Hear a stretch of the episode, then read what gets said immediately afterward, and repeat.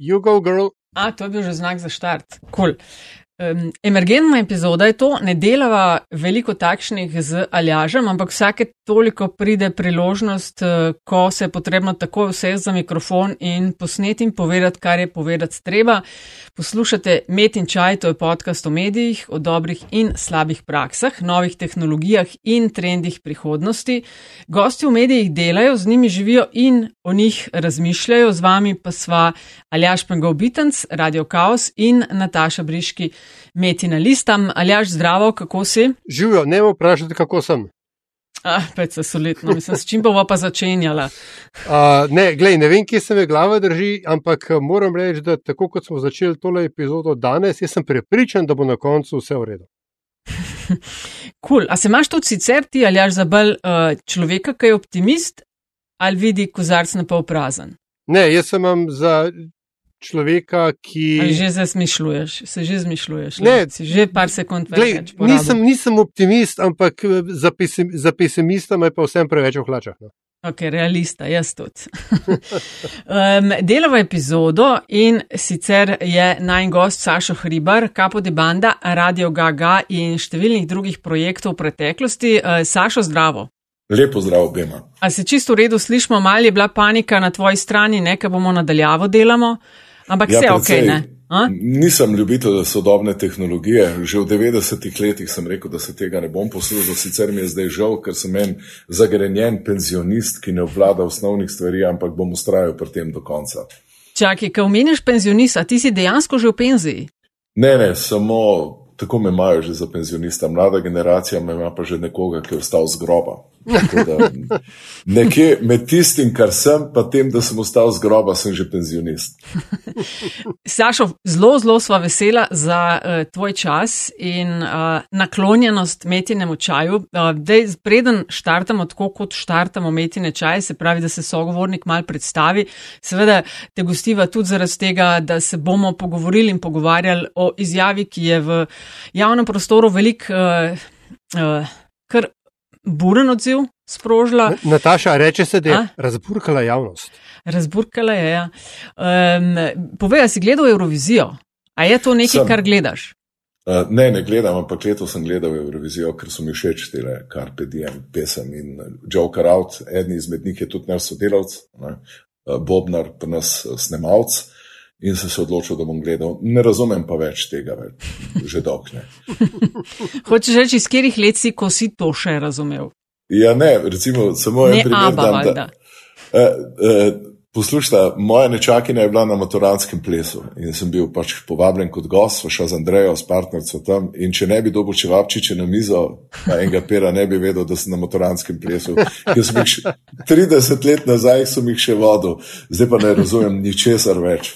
Ampak nisem zagrenjen zaradi tega, pač priznam, da je to tako. Uh, Saša, lej, uh, bet in čaj, začneva vedno enako z vsemi gosti in gostjami in sicer, da se ja. človek lahko mal predstavi. Zdaj tebe um, tako dva milijona plus slovencev pozna, ampak vseeno.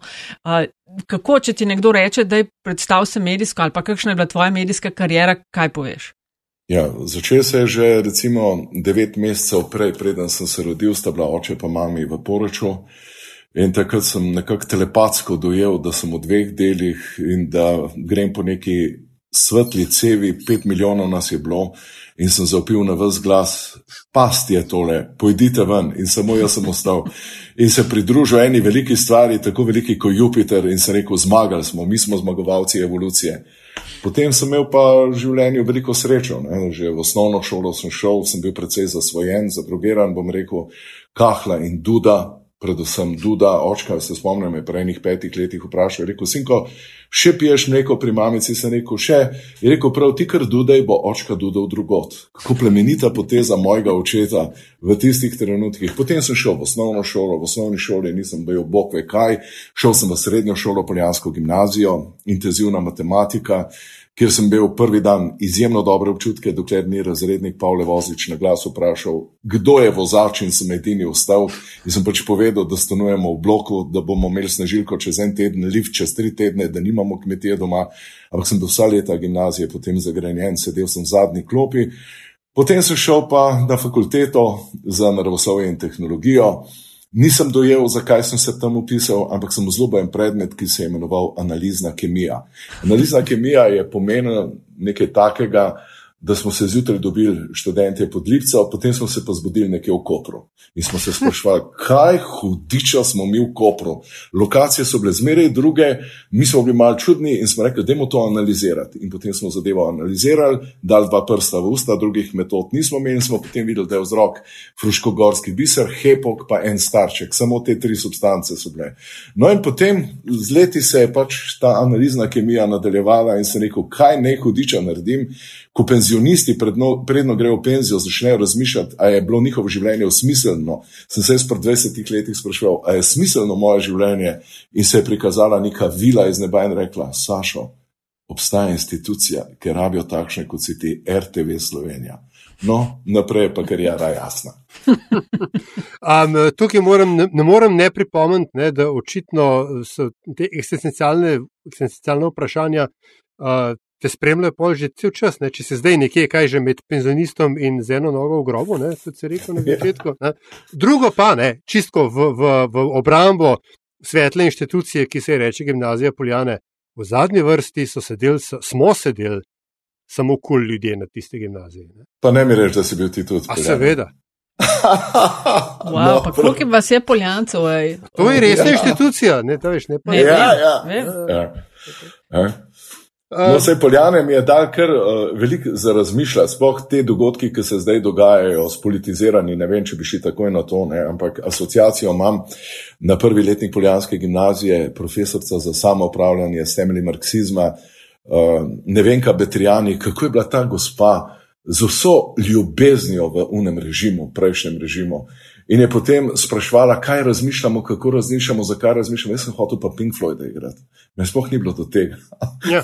do tega predmeta sploh ni bilo. In tako se danes počutim dialektično po tolikih letih, no bom o tem kasneje povedal, če bo. Uh, Glej, um, preden ne, se mi lotimo uh, slona, uh, kako se reče, slona v sobi, ne, uh, ja. tak lep amerikanizem, vendarle me ene par stvari zanima o, o fenomenu, ki se mu reče Radio Gaga, zato ja. ker ga mnogi, ki smo ga, ko nam je čas dopuščal, religiozno spremljali, uh, smo v bistvu uleteli šele na sred zgodbe. Kdaj se je Radio Gaga začel, kdo je te sploh dovolil, da ti to počneš, in, in, in s čim, in kako si bil opremljen za, za tak podvig. Ja, prve osnutki so bili že v 70-ih letih, je bila Butna skala Emila Filipčiča. Takrat na radiju študent sem to z vsem srcem poslušal, ne samo zaradi zgodbe, ampak zaradi empatije, ki jo ta fant vnaša preko svojih likov.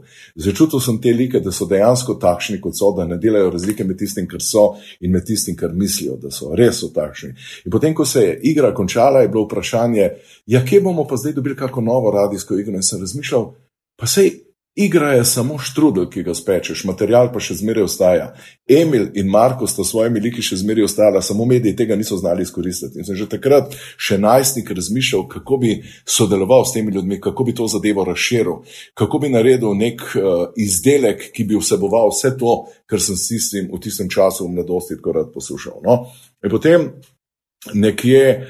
V 80-ih letih, koncev 80-ih let, tega še nisem nikjer povedal, se spominjam, da sem uh, za 21. juni, ne vem pa, je bilo to 88 ali bilo 87 leto, vem pa, da je bil 21. juni, kresni večer, najdaljši dan v letu, šel sem na Košakov hrib. Košakov hrib je neka meka nas grusupljčano. To je bil en hribček, čisto zdraven grusuplega, ampak ko si prestopil mejo, da nisi več videl nobene hiše, si bil v drugem svetu, tam so bili dinozauri, sloni, leopardi, gepardi, kače in tako naprej. In takrat sem zagledal ob tabornem ognju eno skupino ljudi in se mi je zdelo, da so z drugega planeta. In sem rekel, ja, točno to je, koščakov hrib, drugi ljudje, druge generacije, nekaj posem novega, nekaj česar še niso slišali, sem rekel, na tem bom nadaljeval.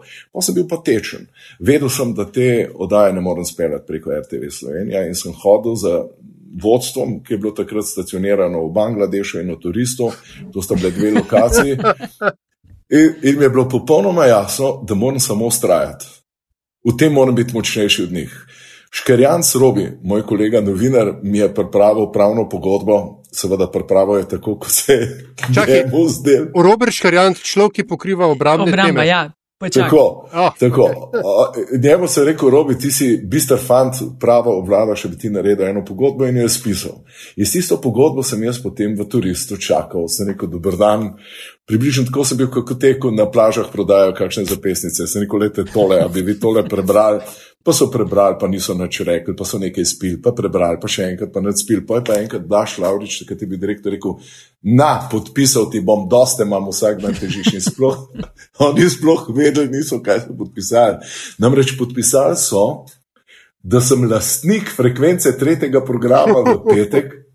Tako je Robi napisal, da imam na voljo vsa tehnična sredstva in na voljo vso živo silo na RTV Slovenija. Ko so ugotovili, kaj so naredili, je bilo prepozno. Jaz sem že začel delati. No, in potem tako se je pač rodil Radio Gaga. Ne, Privat, privat uh, postaja v času bivšega komunističnega režima, tega nikjer, tega, v celi Evropi tega ni bilo, da ima redno zaposlen privat v težkem komunističnem sistemu na nacionalnem radiju svojih 8 ur. Ti si se šel divje lastninjenje, še preden je bilo divje lastninjenje moderno. Ne? Mislim, popolno divje lastninjenje z pravnimi zakoni, ki jih je napisal kolega Robiš Karjanc, še danes novinar. Čak, in to, je, to se je začelo, da imaš tako v glavi datum prve vdaje. Ja, imam. Prvo oddajo smo uh, 6. april, uh, pred osamosvojitvijo še v bivši Jugoslaviji.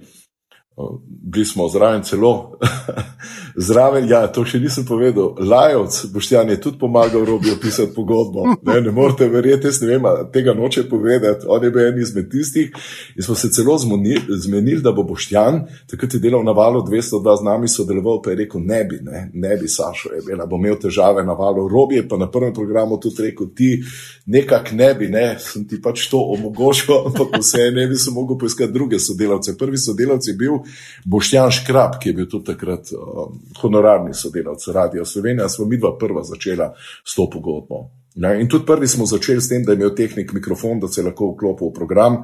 To so si kasneje prisvajali drugi. Ne, takrat smo, smo to delali že pred 33 leti. In uh, mogli smo pa plačati, pa sta to. 2000 mark smo mogli plačati po oddaji, šele kasneje smo zvedeli, da je bila pogodba tako napisana, da bi lahko samo enkrat plačali, pa bloči za to.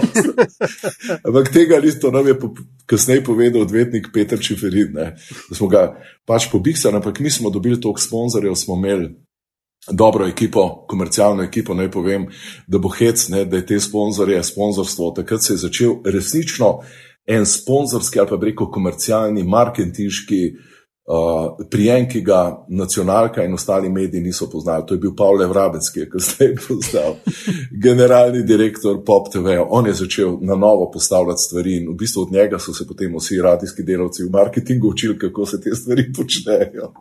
Postavili ste ekipo in kar začel si delati. In, lej, danes, ko snemamo, je 15. maj, je ponedeljek. Oddaje Gaga so v petkih. A je bila vedno Ja. v petkih? Skozi je bilo v petkih, najprej je bila 8 ur. Ja, se spomnim, da je kar. 8 ur je. Potem uh, so pač ugotovili, da to ne gre. Sem bil zelo vesel, je bila dve uri, kasneje, ko je bila dve uri, so rekli, da improvizirane radijske igre na svetu dolge dve uri ni, so skrajšali na uro 50. Ko je bila uro 50, so rekli, da ne more človek delati na teden uro 50 dolgo radijsko igro, ker tega na svetu niso skrajšali na 50 minut, zdaj pač čakam, če bojo skrajšali. Po zadnjih podatkih ne bi jo skrajšali na nič minut, ampak mislim, da, mislim, da to ne bo uspel. Ne? Nekje, Čak, nekje kdaj je bila pa selitev na prvi program?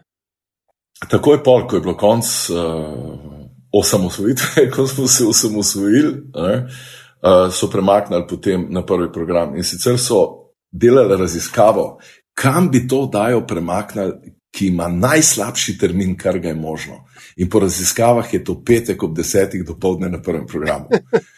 In sem pristal na to z preprostega razloga, ker sem ravno tako butno skalo mogel iskati po radiju študent, ki ga grosuple ni vlekel, pa sem mogel iti v Ljubljano. Če se hoče, potem se potrudiš in sem pravzaprav delal samo zato, če nekdo želi oddajo poslušati, jo bo najdel, pa bilo kje je, jo bo že dobil.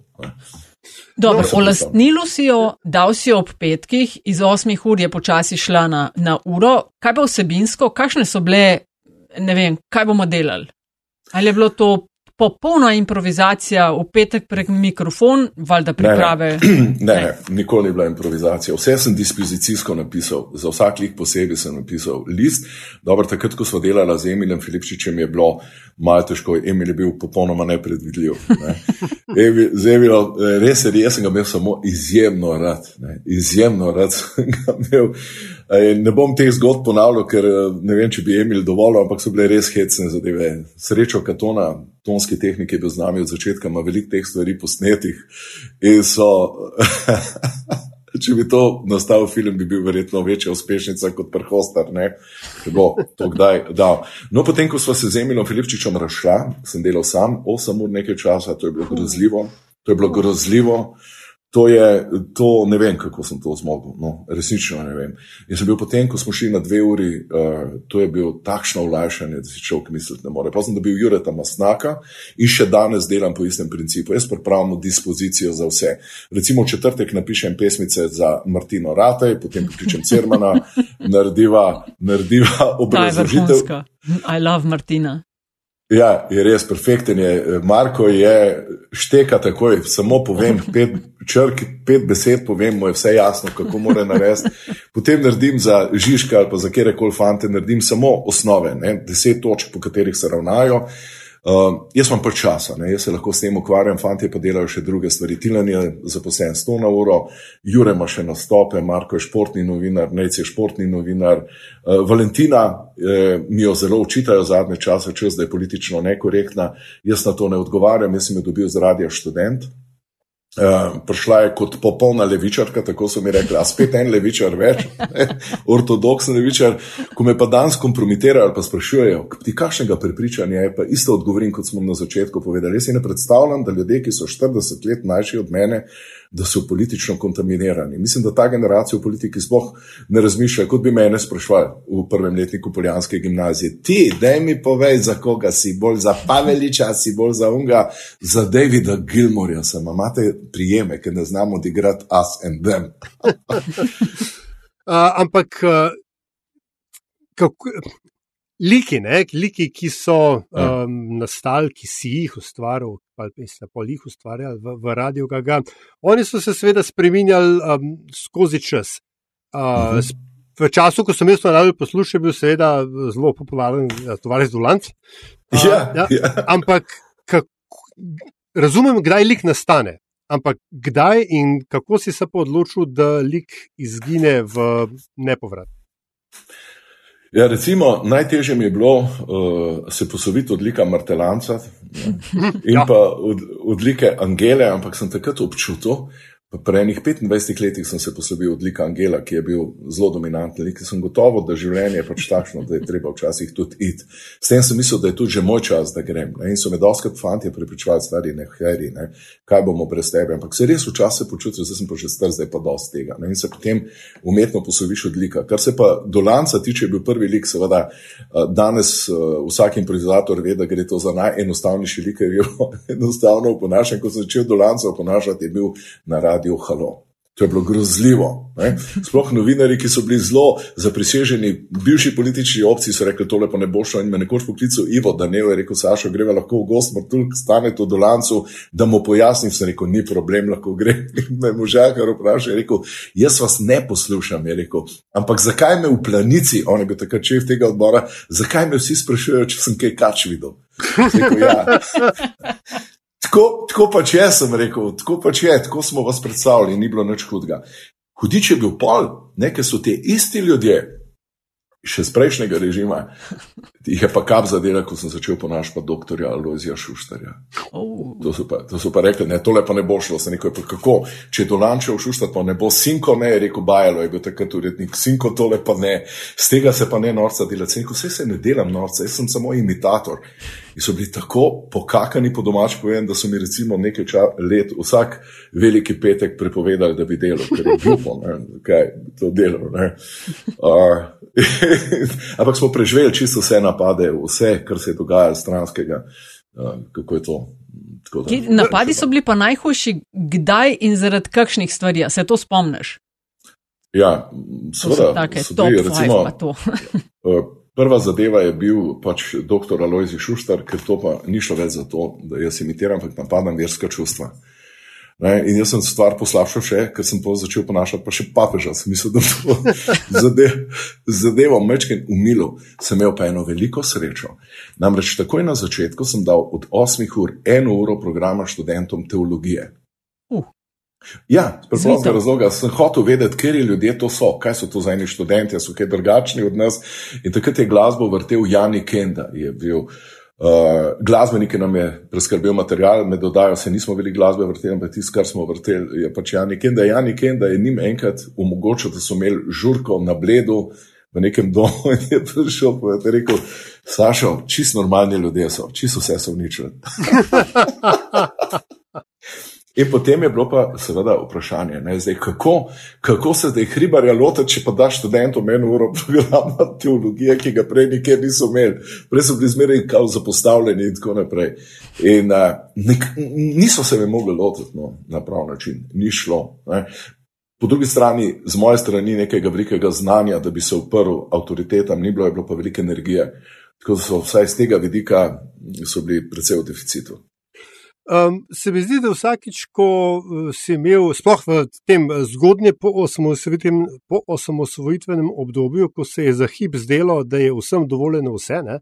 pa se vendar ja. potem izkazalo, da je vse dovoljeno zgolj peščici. Uh, skratka, si uh, skozi radio Gagane, si se mi zdi tako pogledal v brezno in poj na neki točki brezno, tega se prav spomnim, brezno pogledala nazaj ko si oponašal Dimitrija Rupla, ali pa mislim, da si ga ti. No? Uh, potem, ne, Tilen, ta a, no, a že tilen. takrat, kaj je potem ja, ja. Rupel sam poklical, pa se, pa se hotel pogovarjati, pa je pa ena gospa klicala in rekla, da unta drug Rupel je bil pa brez veze. Ja, to je bilo res. Dimitrij Rupel je celo prišel v, v studio in nas je obtožil, da je nekje bral. Da smo imitatori, prvi, ki smo s tem začeli, in je rekel: Jaz sem prvi začel s tem v 60-ih letih. In uh, se je usedel lepo za mizo in igral poslanca iz Maribora, zdaj se ne morem spomniti, ker ga poslanca je igral. Vem samo to, da je rekel: uh, Oponašaj ga, dim si te eh, žarometi mi štijajo na mojo glavo, mi lahko zrihtaš pisarno na Wall Streetu.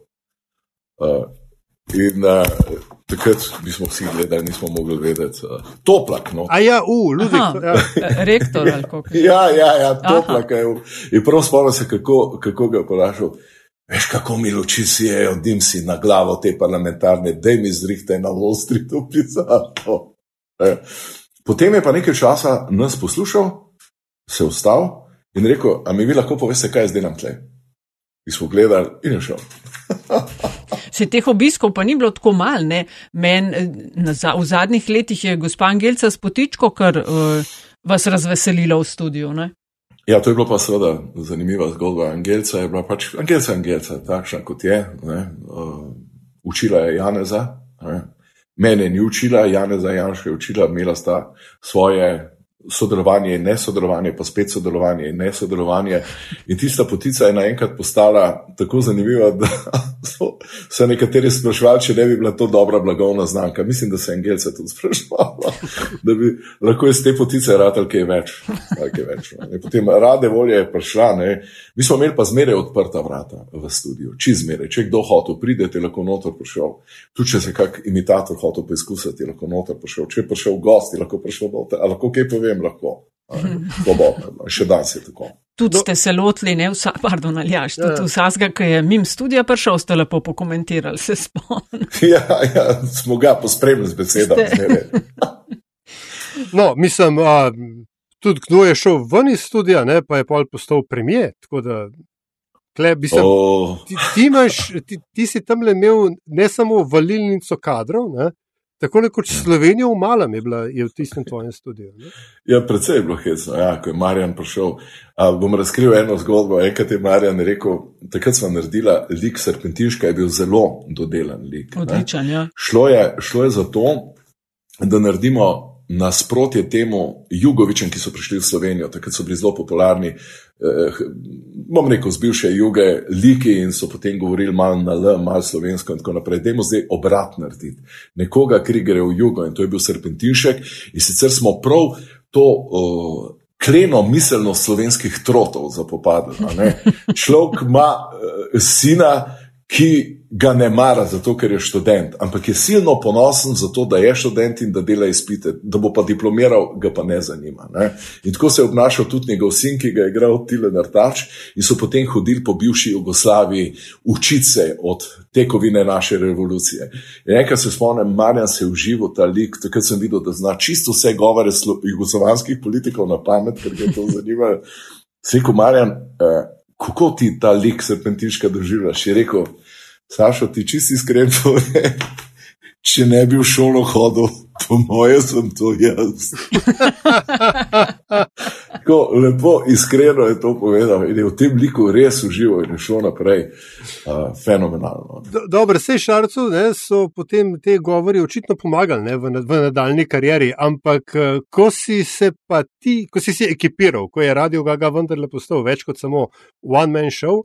Um, kaj, a, a si iskal ljudi, a si rekel, uh, ne vem, tale šarc, ne, iz njega pa še nekaj bo, on pa je radijski material, ali uh, dobro, o Godlerju sploh ne bi, ne, uh, ki preseže vsega, ali so se ti nakapljali na ključno, pa kot dim si rup si, ja, pridno trpoške povedal. Ne, ne. Veliko je bilo najprej na začetku, je bilo ogromno ljudi, ki so delali AGRFT. Uh -huh. Igralcev in amaterskih igralcev z amaterskih gledališč. In dobri imitatori so bili, ovladali so svojo vrst, samo niso imeli feelinga, ni bilo tiste energije.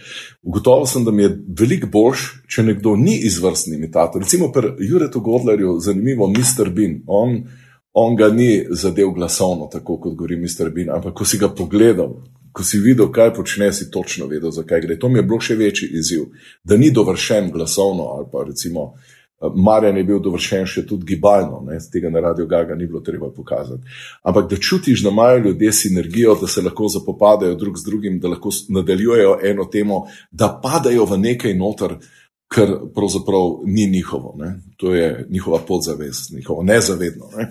In sem iskal v glavnem tiste ljudi, ki si želijo te stvari početi, ki jim je to vse, kar bi radi počeli. Ne. In sem takšne ljudi tudi najdel. Kje si pa najdel? Kje, kje, kje to najdeš? Ja, recimo vsake to časa nekdo pokliče. Recimo, zanimivo.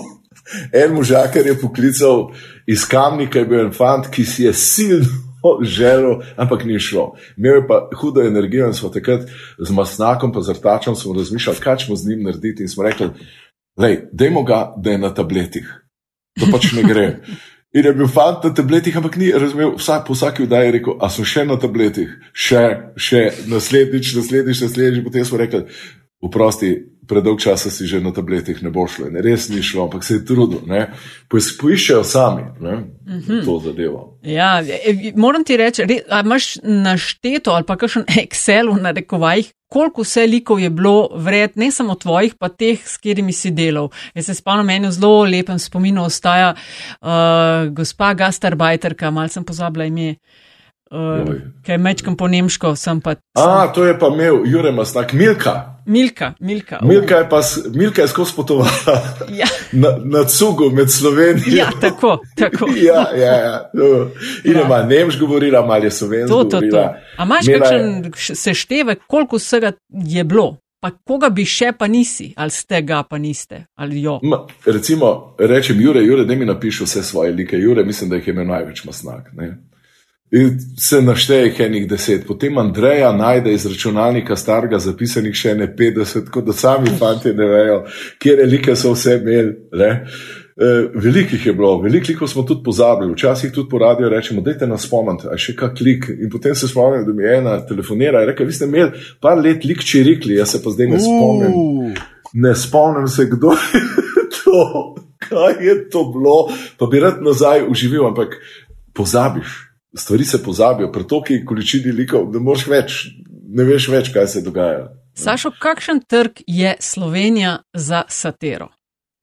Uh, za satiro je težko. Ne? Satira je, konec koncev, te zmeraj politično kontaminirajo, zmeraj te nekje opredelijo. In če te opredelijo, postaneš jezen in si dejansko tam, kamor te opredelijo.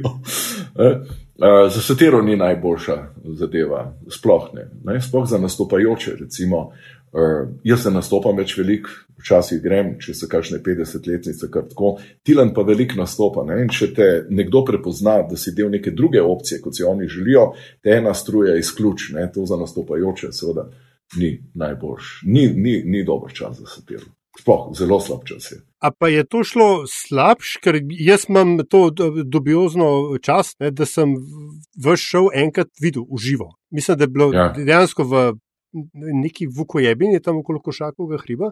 In je bilo, in je bilo super, super ja. ker je bilo do, točno tako, kot sem si jaz predstavljal, ne, radio ja. Gaga in so to dinamiko, ampak in, in narod je tam. Dejansko užival, ne? in srpetniška, in tebe, ki si pač potem kao postavljal, ki si te setape delo, ne? postavljal vprašanje, in pol so gegi padali. Je, ampak ja. se, mi, se mi je zdelo, da je tako, ne, kot se temu reče, američani, bipartisan. Pač za vse vonje, oblike in okuse mm -hmm. je bilo. Je... Včasih je bilo to ja. bolj sproščeno, še ni bilo tega sovraštva, ni bilo toliko negativne energije. Ta negativna energija se manifestira kot razlika dveh potencijalov. Zdaj je težko vprašati, kdo je nula, pa kdo je ena. Ne? Ampak to sploh ni pomembno. Med enko in nulo se ustvarja napetost. Ne? In če napetost predolg časa traja, slejko prej pride do kratkega stika. Ne? Zdaj smo že tako blizu kratkega stika, to je to, kar sem jaz ravno v uvodu razlagal ob tako imenovani neosamosvojitvi mojega lastnega jaza, moje lastne osebnosti. Ob vsem tem, kar se dogaja, bi šlo rekel po 30 letih, bi pa ja obračunal z vsemi vrednostnimi sodbami, negativnimi tendencami, ki se dogajajo, pa nismo. Ne? Nismo. In se počutim nesproščeno, in če dalje bolj preko satire ugotavljam, da si skozi na spolskem terenu, skozi na spolskem terenu. In dejansko so ljudje, ki tukaj iščejo samo dlaka v jajcu, kar koli boš rekel, ne razumejo več humorja, ne razumejo več satire, ne razumejo več momenta, ko določene stvari vržeš v eter, ampak iščejo samo, kako bi te nazaj oblatil, kako bi te nazaj prizadel in kako bi ti pokazali, kakšen odvod konstante si, večji kot je bil kdajkoli v zgodovini Slovenije je kdorkoli. Ni dobro, niso dobri časi, res vam povem. Ne. No, le bom to, bova to počasi izkoristila, Aljaš, če se strinjaš za ja, prehod ja, na tistega slona. Sam tole še pred tem, Sašo, koliko in kaj se je spremenil pa za Gaga, ko ste začeli še video oddaje prenašati? A se je kaj, oziroma zakaj ste se za to odločili? Jaz sploh nisem, nisem tehnični človek. Sploh, sploh mi ni bilo jasno. Prišel je Zvezdan Martič in je rekel, bomo mi naštimali kamere noter, sploh nisem vedel, zakaj gre. In se doskrat kamer sploh zavedal, nisem, da nas snemajo. Dokler ni ena gospa, ki je sicer ne maram najboljš, ki je zelo dana temu vodstvu, uh, nekoč reka, a si se ti kdaj pogledal hriber, a veš, da kamere gledajo, ti si pa tako le prideš, kaz, uh, brez da bi se lepo uštimal, ubril, uh, lase upravil in tako naprej. Kaj? Rekel, to je zdaj pomembno. Sploh se nisem zavedal tega. No, to je Zvezdan Martič naredil že leta 2007, tako da smo prvi, ki smo imeli te kamere, potem so nam tudi podcast dali. To nisem vedel, kaj je podcast. Kratka. Nas, nam so dejali, zmeraj, ko smo bili zmeraj prvi, nekje. Jaz pa nisem nikoli vedel, kaj se je pa zgodilo. Bilo je fajn pred leti, zaradi tega, ker so to, uh, da ne vem, kam so to dali, na družbena omrežja in so razdelili na šest tem. In ko so razdelili na šest tem, sem jaz manipuliral z različnimi liki in sem videl, kje je kombinacija najbolj grejo. Tam vidiš število ogledov. Recimo, če je šla Cilka Martelanc, pa en je bilo šest tisoč ogledov, če sem dal pa kazati, Gašper je Guzman, to ne pa to, aha, se neko tole moram skombinirati. Zdaj pa tega pregleda nimam. Ne vem več, kaj vleče, kje kombinacije vlečejo, kako grejo. Uh, Takrat je pa to bilo, boš. No, mm. no to, kdo še vedno, ne, kamere smo imeli v studiu, mi prvi na kavu so še pet let pred vami. Tako. Resno, ne, ne vem. Ne, ne, ne se ne, ne, zdaj se zdaj. So jih pa najbrž tudi prvi v kinu. Vsaka vam čas. Ja, ja, ja. to sem bravo, to sem bravo. Ja, ja. ja. ja lej, uh, Sašo, pejmo no, polk tisti um, izjavi, ki si rekel, da niso dobri časi za satiro, niso dobri časi, če karkoli o čemarkoli, o komarkoli poveš. Zdaj, 21. april, berem, uh, je bil tisti datum, ko si v radiju Gaga uh, izjavil nekaj, kar je en del Slovenije precej razbural. Um, trditev je bila, osamosvojitvene vojne nikoli ni bilo, zaradi mene me lahko zaprete, kar hočete, bila je agresija na Slovenijo, ampak danosti so bile zgodovinsko takrat takšne, da je bilo vsakemu vsakemu intelektualcu, pa ne samo njim, normalnemu, razumnemu človeku jasno, da se vojna v Sloveniji ne more razplamteti. To je en del te izjave. Peva na 21. april, kaj je bil povod za to izjavo? Odkje se je vzela? Uh, so stvari, ki jih ne moš kontrolirati. Ne? Prav razmišljal sem, uh, kaj se lahko človeku zgodi, da se en sleče sred uh, Ljubljane, pa nak hodi okoli, en skoči iz mostu, en se ustreli, en si zanko da okoli vratu. Skratka, določene stvari se nabirajo. Ne? Ko sem gledal, kako deluje, pa ne bom zdaj v tem razlagal, to je stvar preiskovalnih novinarjev, kako deluje financiranje po uh, osamosvojitvi Slovenije, kdo vse dobiva denar, kdo so vse današnji borci, ki so od mene mlajši 30 let, ki se takrat sploh še rodili niso in govorijo o tem, kaj vse so pretrpeli med tako imenovano osamosvojitveno vojno. Sem prišel do enega podatka, gledal sem, kako je Janez Janša takrat govoril po osvoboditvi, uh, samo o agresiji. Nihče si ni upal besede vojna spregovoriti.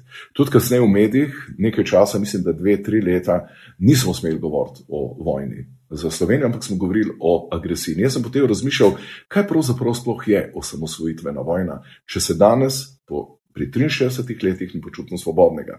Če danes pri 63 letih še zmeraj poslušam, da smo ostanek eh, tako imenovanega totalitarnega, enoumnega sistema, nadaljevanje kontinuitete, na drugi strani so eh, kolaboracionisti, vaške straže, domobranci, ljudje, ki so prisegli Hitlerju, ljudje, ki so sodelovali na nasprotni strani in s temi zadevami se preigravamo.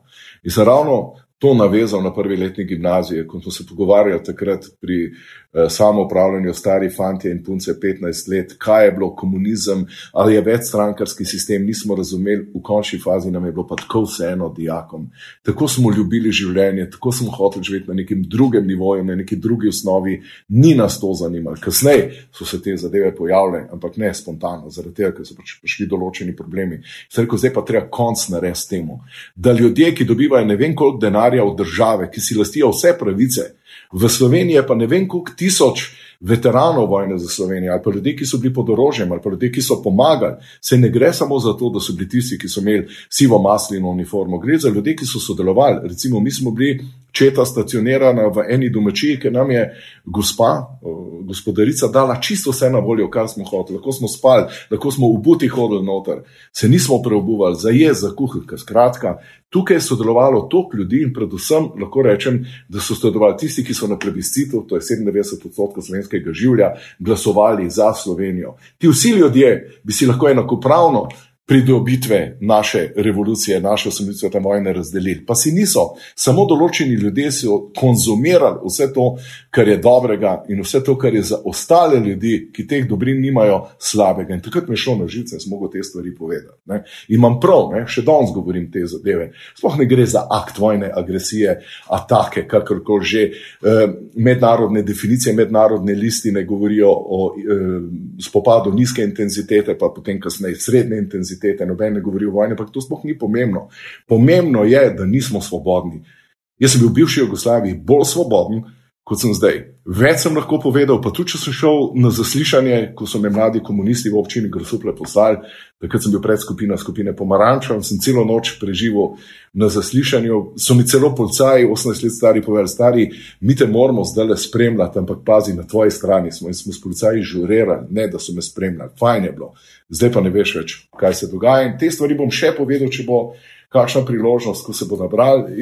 Pač to je v človeku in mislim, da je to prav, da se pove. Saša, ti si v bistvu v tej zadnji iteraciji ne, prišel, oziroma si pristal v težavah, zato ker si povedal besede. Ja. A je nas so učili, da so bile pač v socializmu določene stvari, da jih nisi smel reči, ne? ker so imeli mhm. vem, zidovi v šesa, itd. itd. Rahla, rahla paranoja je bila. Ne? Potem smo se iz te paranoje dost eh, zezali, ne 30 let, zdaj pa se mi iz tvojega relativno jeznega nastopa zdi, da a, a, kaj te spet mal se ta paranoja, ne vem. Vrača, smo spet v situaciji, kjer so določene besede prepovedane, kjer so določene misli prepovedane ali kako? Ne, se ne gre za to. Poglej, v bivšem sistemu, če zava tako uh, iz Biblije vzameva, je bilo neko drevo, na katerem so rasla rdeča jabolka. Ne? Pusti tiste jabolka, primer, pa delaj, kar hočeš. Ne? In ljudje so v glavnem tiste jabolka rdeča, stil primer in so delali, kar si hotel. Druga zadeva v bivšem sistemu, ki noben še ni pojasnil. Dva totalitarna režima sta bila takrat. Eno je bil komunistični režim, drugo je bil crkva. Tretja osvobodilna zadeva so bili pa forumi, ki so se v glavnem izvajali pod taktirko takratne komunistične partije, to so bili mladinski klubi. Partija, na čelo takrat z mladimi komunisti občine Krsuple, vemo, kje so to bili, je ustanavljala ravno, da bi se skupine, ki se bi lahko sestajale v garaži in bi se lahko tako se imenovali včasih, grupisale, tega so se najbolj. Mm -hmm. In so pač te skupine v mladinskih klubih kontrolirane na ta način. In ko je prišlo do tega, da so bili v teh institucijah, v tej sobici, mehni noter gostje Hare Krišna, so bili budisti noter, so prišli ljudje, ki so bili tetovirani, eni so imeli, imeli piercinge, eni so imeli poblajkane lase, dolge, kratke, pobrite in tako naprej, sta se crkva in partija zbal. Kaj pa je zdaj to? Kdo so to? In so mladi ljudje, ki so hodili v srednjo veručno skupino, so rekli, da je župnik čist noro. Kaj, kaj imate zdaj tu, Hari Krišnano? Kaj se vi greste? Prav tako se je partija zbala za to, da bi se tukaj neke revolucionarne ideje naprej širile z John Baez, ne vem, Bob Dylan in podobnimi uh, protestnimi pesniki, takrat, ko so proti Vietnamu proti sedem, tako naprej, še kasneje. In takrat si videl, da je ta klika nastala. Ne? In mi smo takrat se res lahko izražali, veliko smo povedali, veliko smo tudi prispevali k temu, da se je začel govoriti še kasneje v besedi konfederacija. Ko takrat od najstnik te besede sploh razumel, nisem. To vse se je manifestiralo v takratnih mladinskih klubih. In kaj je najhujše, da te totalitaristi, enoumneži, ki so takrat še pred polnoletnostjo stopili in dobili partijsko izkaznico, danes tistim ljudem, ki niso imeli pojma o tem, ali pa so bili prav, lej, da bo čist. Jaz nisem bil proti režimu, ker sem bil preneumen, pri 16-17, jaz sem bil samo upornik. Upor, upornik bi bil proti vsem. Če bi v mladinski klub noter pripeljali, ne vem, heavy metal bi bil proti, če bi pripeljali rock, bi bil proti, ker smo bili pač taki, da smo bili proti. Kasneje pa ugotoviš, kako si bil praktično eh, pač adrenaliziran bebo, ampak si bil pač mlad. Ne?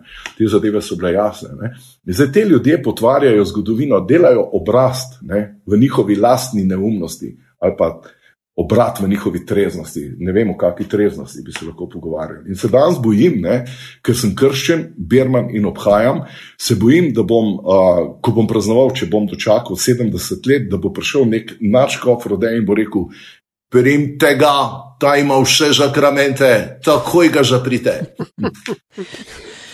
Sašo, ko si to rekel, kar si rekel, a si pričakoval na zalogo, da bodo reakcije, kakršne so bile. Uh, ne. Zdru... ne.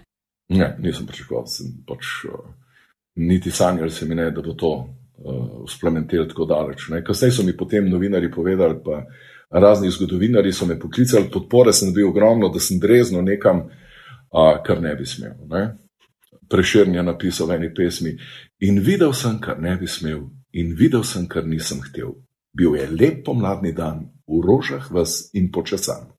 In točno to se je zgodilo. Lep pomladni dan, jaz sem pa nekaj naredil, kar ne bi smel. Mislim, iz Združenja za vrednote slovenske osamosvojitve, VSE, pa eh, njihov predsednik, prvi premijer države, Petr Lete, je obtožil, da si eh, dezerter, vojni poveljnik takrat Ljubljanske pokrajine, eh, Lesjak je rekel, da to nikakor ni res. Odzvala se je Zveza vojnih veteranov, eh, na družbenih omrežjih je vrelo, predvsej požvinjeni so bili odzivi, ampak dej povej okrog tebe. To je to, kar mi vidimo, ker na nek način smo sam konzumenti tega bili. Kaj se je okrog ja. tebe dogajalo? Le, jaz ne vem, če to sploh koga zanima. To je, joj, to je, ko, ko to razlagam, zdaj se počutim tako, kot sem prišel na radio, pa je bila da še pomnite, tovariši pa so starejši novinari razlagali, veš, pa je bil pa tam v Baški grapi, pa mimo pa caš perjel, pa je pa on prišel ta ostrij. Jaz sem si mislil, ne, ne, prosim, da me res, res me ne zanima, nič ta, da se ni dogajalo. Mi takrat nismo bili, pogledajte, sama veste, da družabnih omrežij ni bilo. Ko me danes sprašujejo mladi, ja, kako si šel domov telefonirati na radio, nismo mogli od tam telefon, to je. Ni bilo telefonov, noč ni bilo, medijska blokada je bila ogromna, nihče se ni zavedal, besede vojna se ni uporabljala, niti slučajno ne. Šlo je samo za dva koncepta. En koncept je bil nadaljevanje orožnih vaj med nami, zelo radi smo imeli orožne vaje. Tisti, ki danes hodijo na pusta, vejo, kako je lepo, če te pokličejo pust mozerski ali pa škoromati ali pa crkniški pust. To je eno veliko veselje. Orožne vaje je bilo nekaj prijetnega. Nobenemu ni padlo na pamet, da bi med orožnimi vaji šel domov. Ampak so ravno obratno, vsi v družinah so kome čakali, da jih kdo pokliče. Prijetno je bilo druženje, je bilo veselje, je bilo zabave je bilo in tako naprej.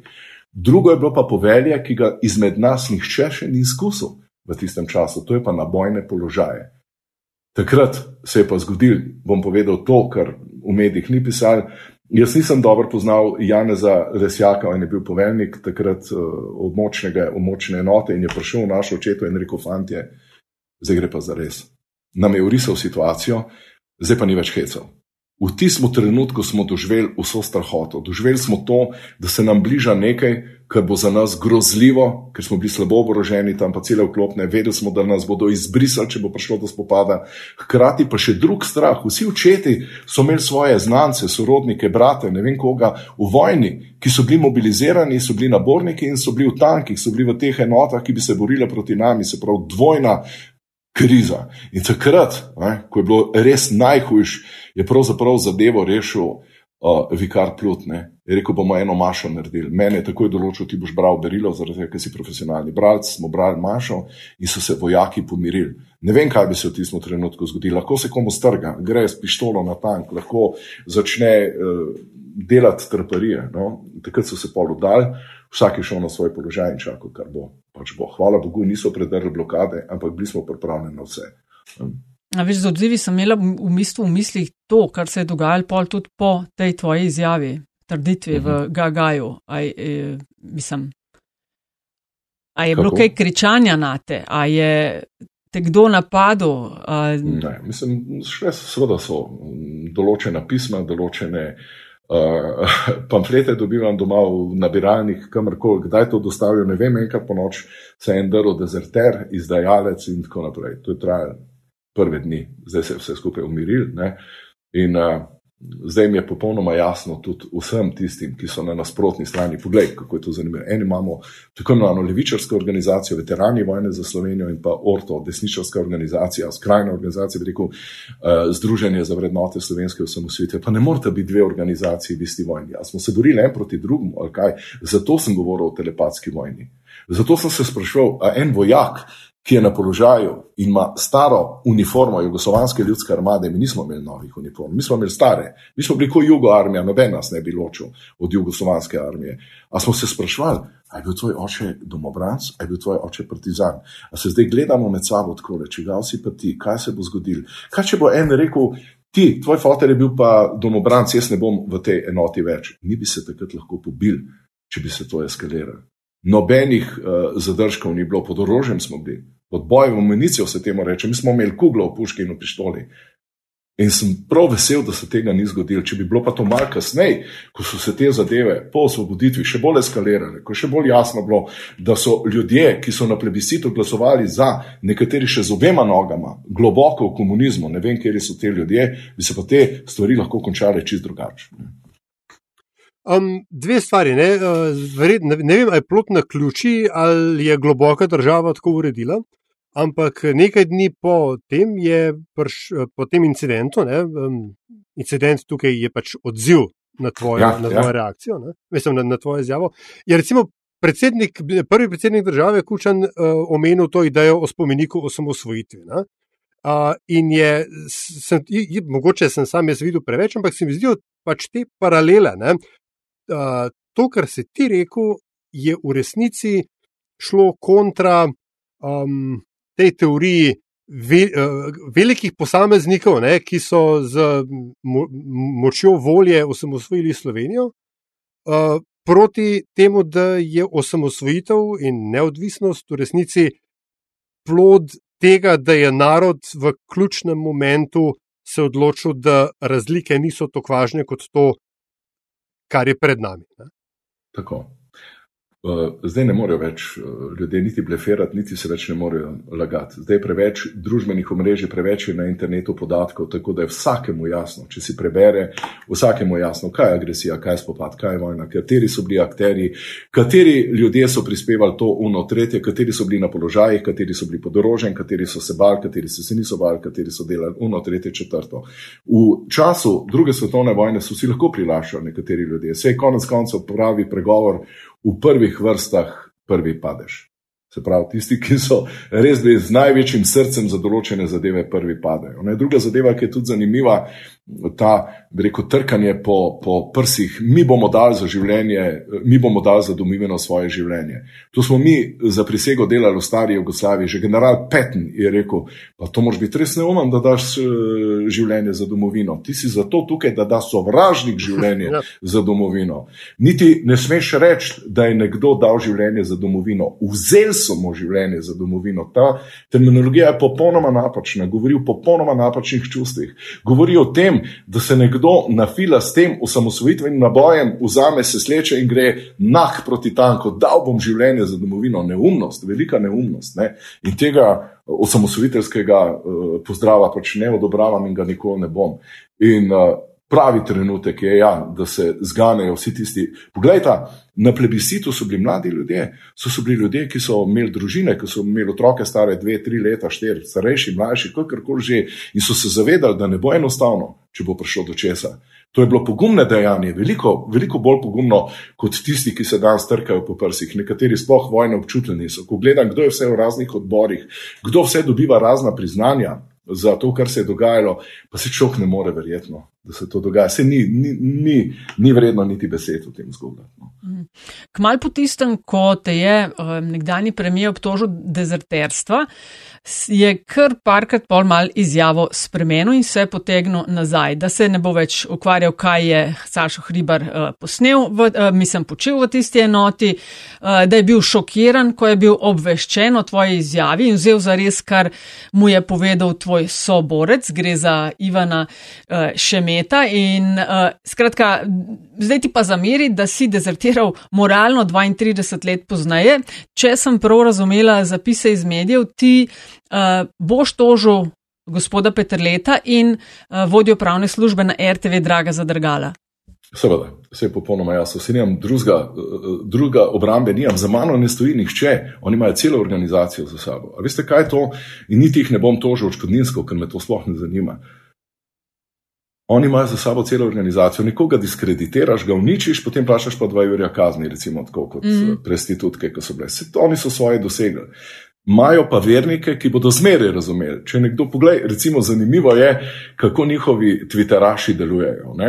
Napišejo: Hribar je bil med osamosvojitveno vojno na prvih linijah in je prvi obiskal hišo, kjer so bombardirali in se srečal z desetletnim fantom in od njega zahteval telefon. Dejansko sem bil prvi tam.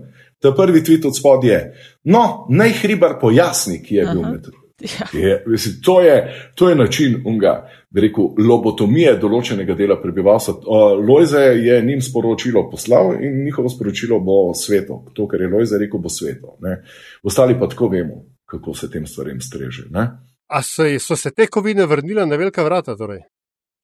Ja, seveda, vse se dogaja, zgodovina se ponavlja, zgodovine se nismo noč naučili, zgodovina se ponavlja. Jaz upam, da bodo neke sile, vsaj dost miroljubne sile, s civilizacijskimi vrednotami, ki jih ni, njih, čast, ugled, ponos, dostojanstvo, poštenje, empatija, altruizem, integriteta, kje je zdaj to?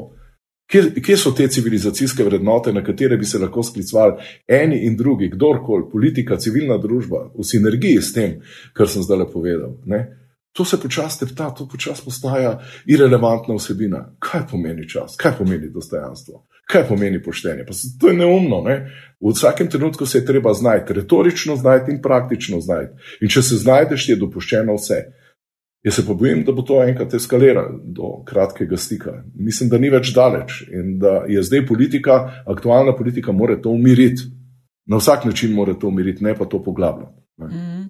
Če, lahko, če lahko tukaj, prosim, Nataša, samo um, pobrskam po magnetogramu seje za nazaj ne, in uh, citiram izjavo gospoda Hriberja začetka seje, da je treba ustrajati in treba biti močnejši in ustrajnejši od njih.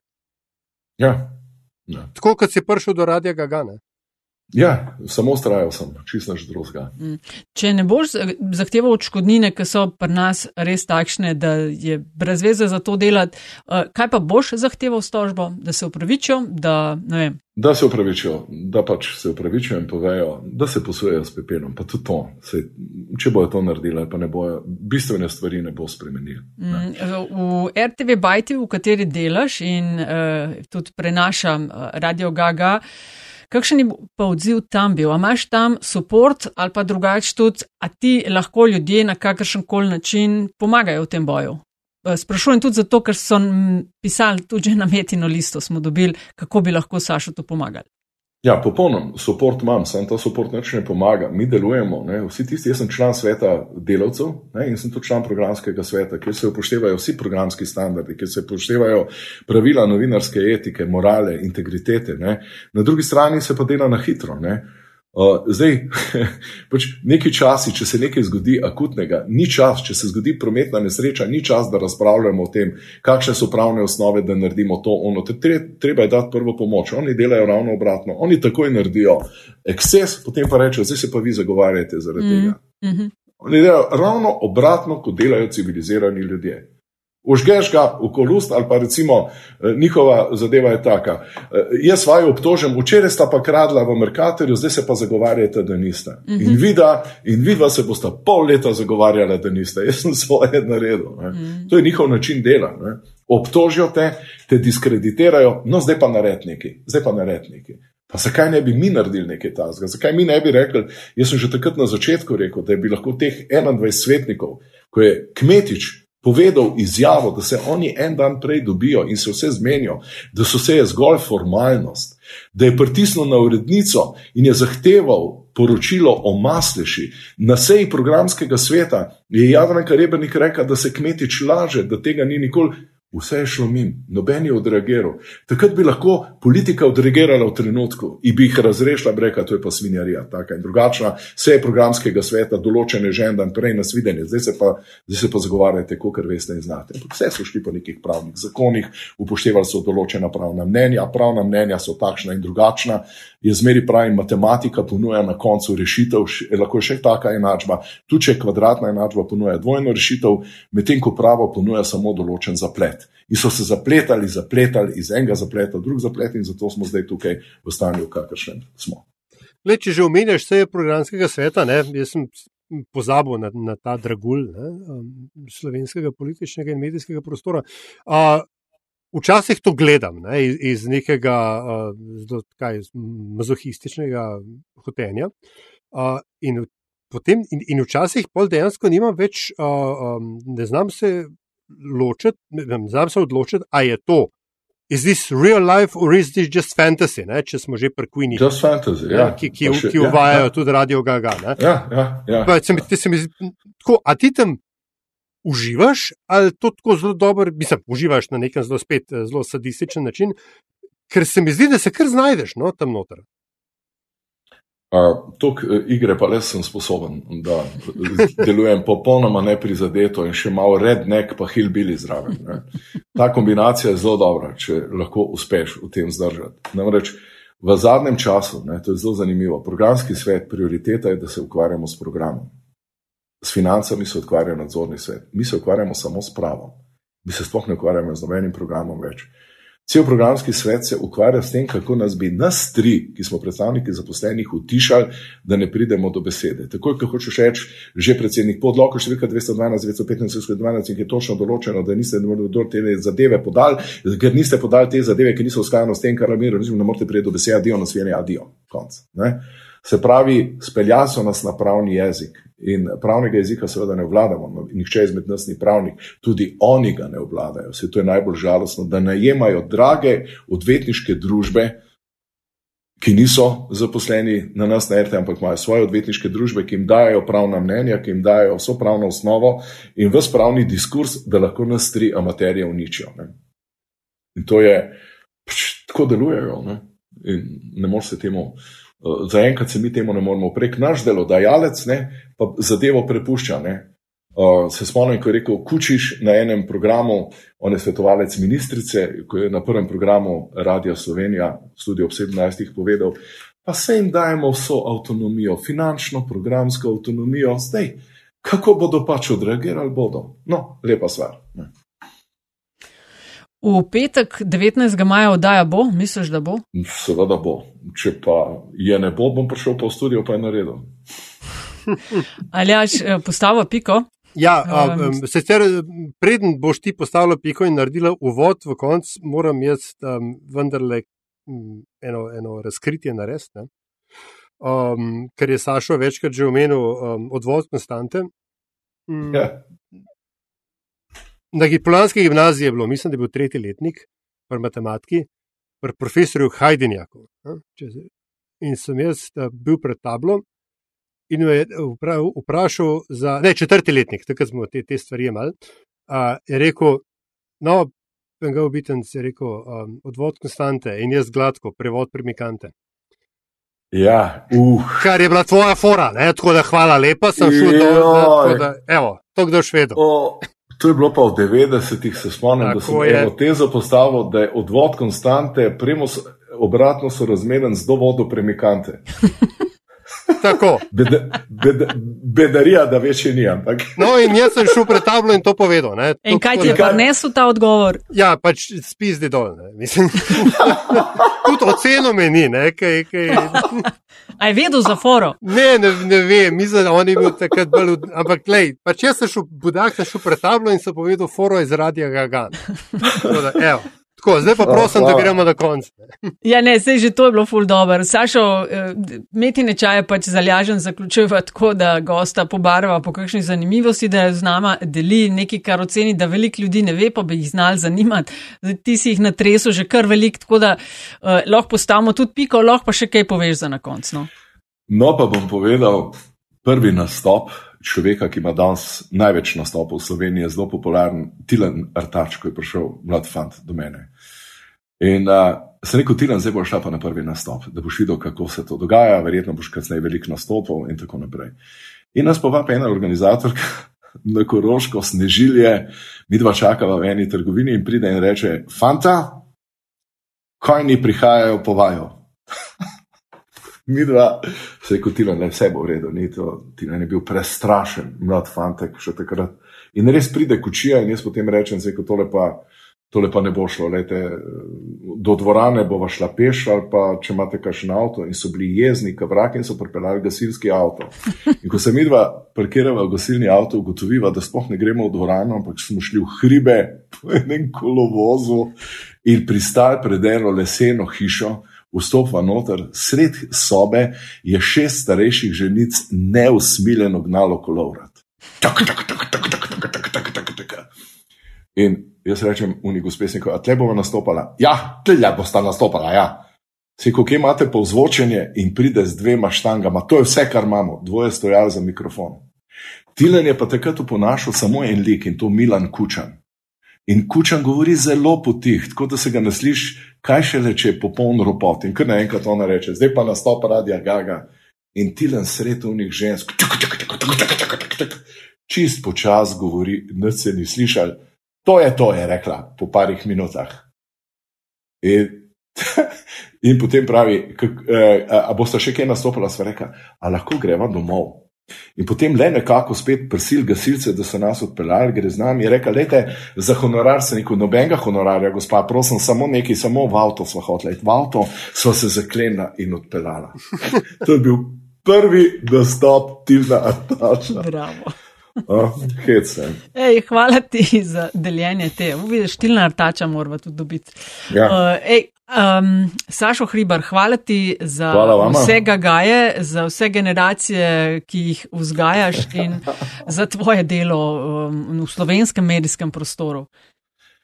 Hvala vam. Hvala ti in srečno. Srečno.